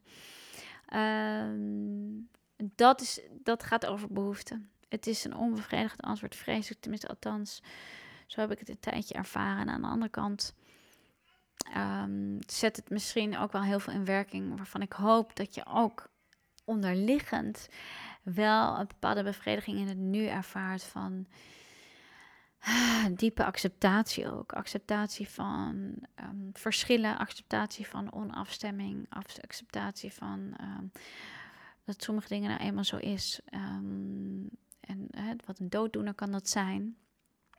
Uh, maar laat dingen niet zomaar zo zijn. Spreek die behoeftes uit. En daarna kan je zeggen: Oké, die van jou zijn anders en we laten het hierbij. Maar ga niet per definitie al naar achter bewegen van laat maar, het heeft geen zin, ik moet het gewoon accepteren. Nee, want dan um, ga je eigenlijk in je comfortzone kruipen en laat je die behoeftes nog steeds onuitgesproken.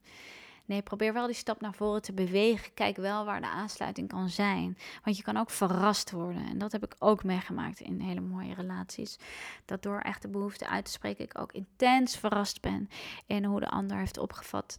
Dat heeft opgevat en daar. Hè, nu alleen maar veel meer zoiets heeft van... hé, hey, ik weet nu waar je behoeften zitten. Ik weet nu veel beter hoe ik je kan benaderen. Wat fijn, wat prettig. Um, ik vind het juist fijn om je behoeften te weten. Ik, uh, Um, vind het juist fijn om eh, te weten hoe je benaderd wil worden en wat je nodig hebt. Dan kan ik daar veel meer op inspelen. Ik wil dat ook graag als vriend, vriendin, partner. Zo kan het ook lopen. Dus blijf uitspreken. Oké, ik hoop um, dat ik hiermee een hoop vragen heb beantwoord. Dat jullie fijn hebben geluisterd. Um, en bij deze sluit ik hem af. Dankjewel.